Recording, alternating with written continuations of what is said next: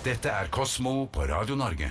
Hvis du eh, kvier deg for å gå til tannlegen, så er du langt ifra alene. Hver femte av oss er faktisk genuint redd for tannlegen, men hvorfor i all verden er det egentlig sånn?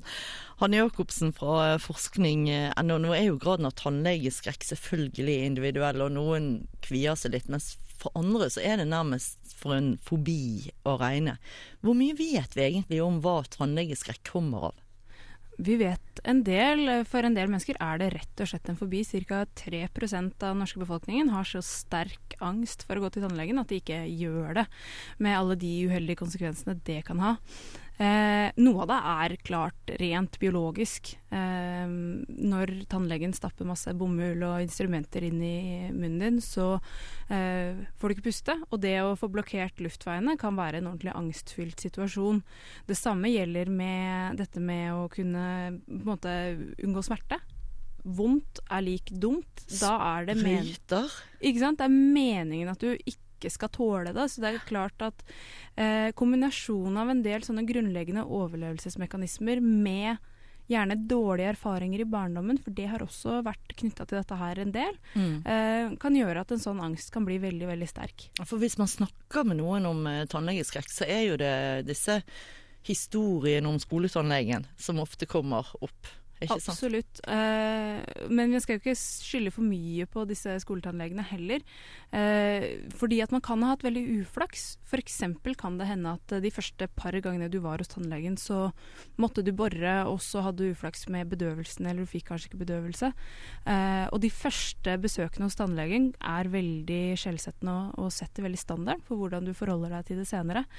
Samtidig så kan det hende at moren eller faren din er redd for å gå til tannlegen, og så har de vært med deg, og så har de prosjektert sin egen frykt over på barna.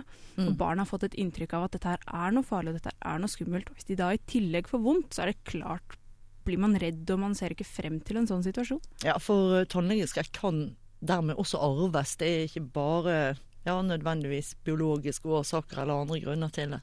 Det er veldig sosialt uh, eh, betinga og, og, og, kan påvirke seg så utrolig mange ting. ikke sant? Det er noen mennesker som uh, har opplevd tortur og krigshandlinger og overgrep og en del sånne ting, kan få en veldig sterk angstsituasjon av det at noen legger de bakover og stapper masse instrumenter inn i munnen deres. Så for dem finnes det også egne oppfølgingsprogrammer, og det er veldig mange forskjellige grupper som av veldig mange forskjellige årsaker kan ha tannlegeskrekk.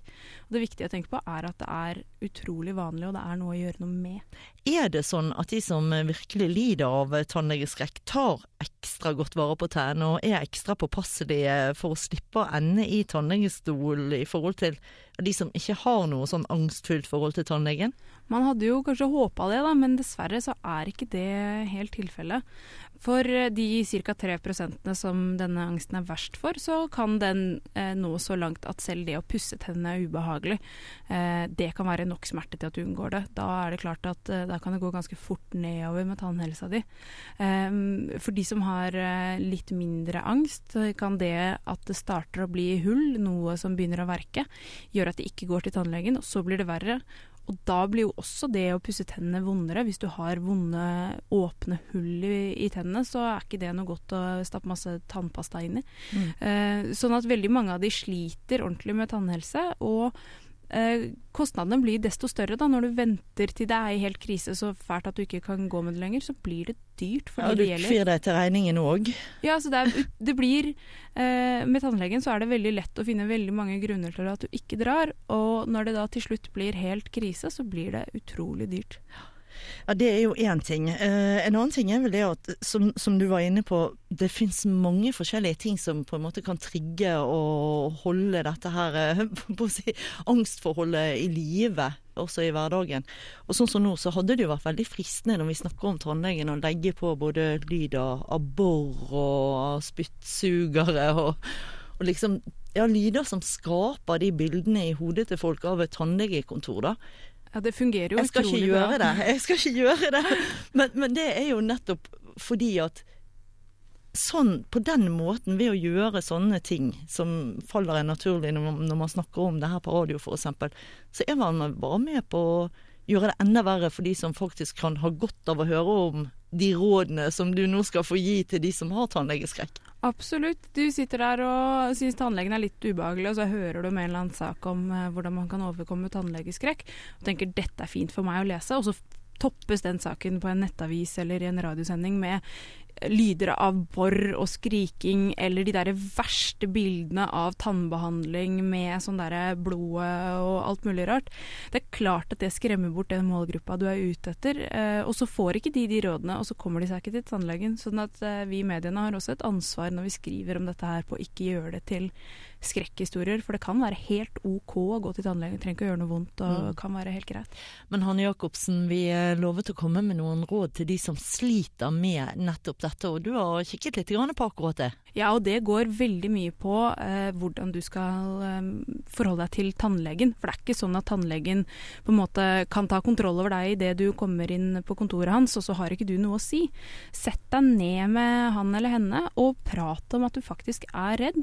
Eh, en del eh, anbefaler at du bare tar en konsultasjonstime før du i det hele tatt skal gjøre noe som helst, sånn at du kan få fortalt hva som er problemene dine og hva du syns er ekstra ille og sånn. Så kan dere legge opp den eh, den faktiske konsultasjonen på en bedre måte.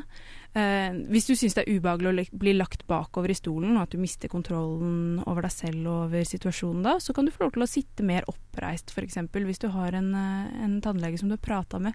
For de kan jo ikke nødvendigvis gjette seg til at du er veldig redd.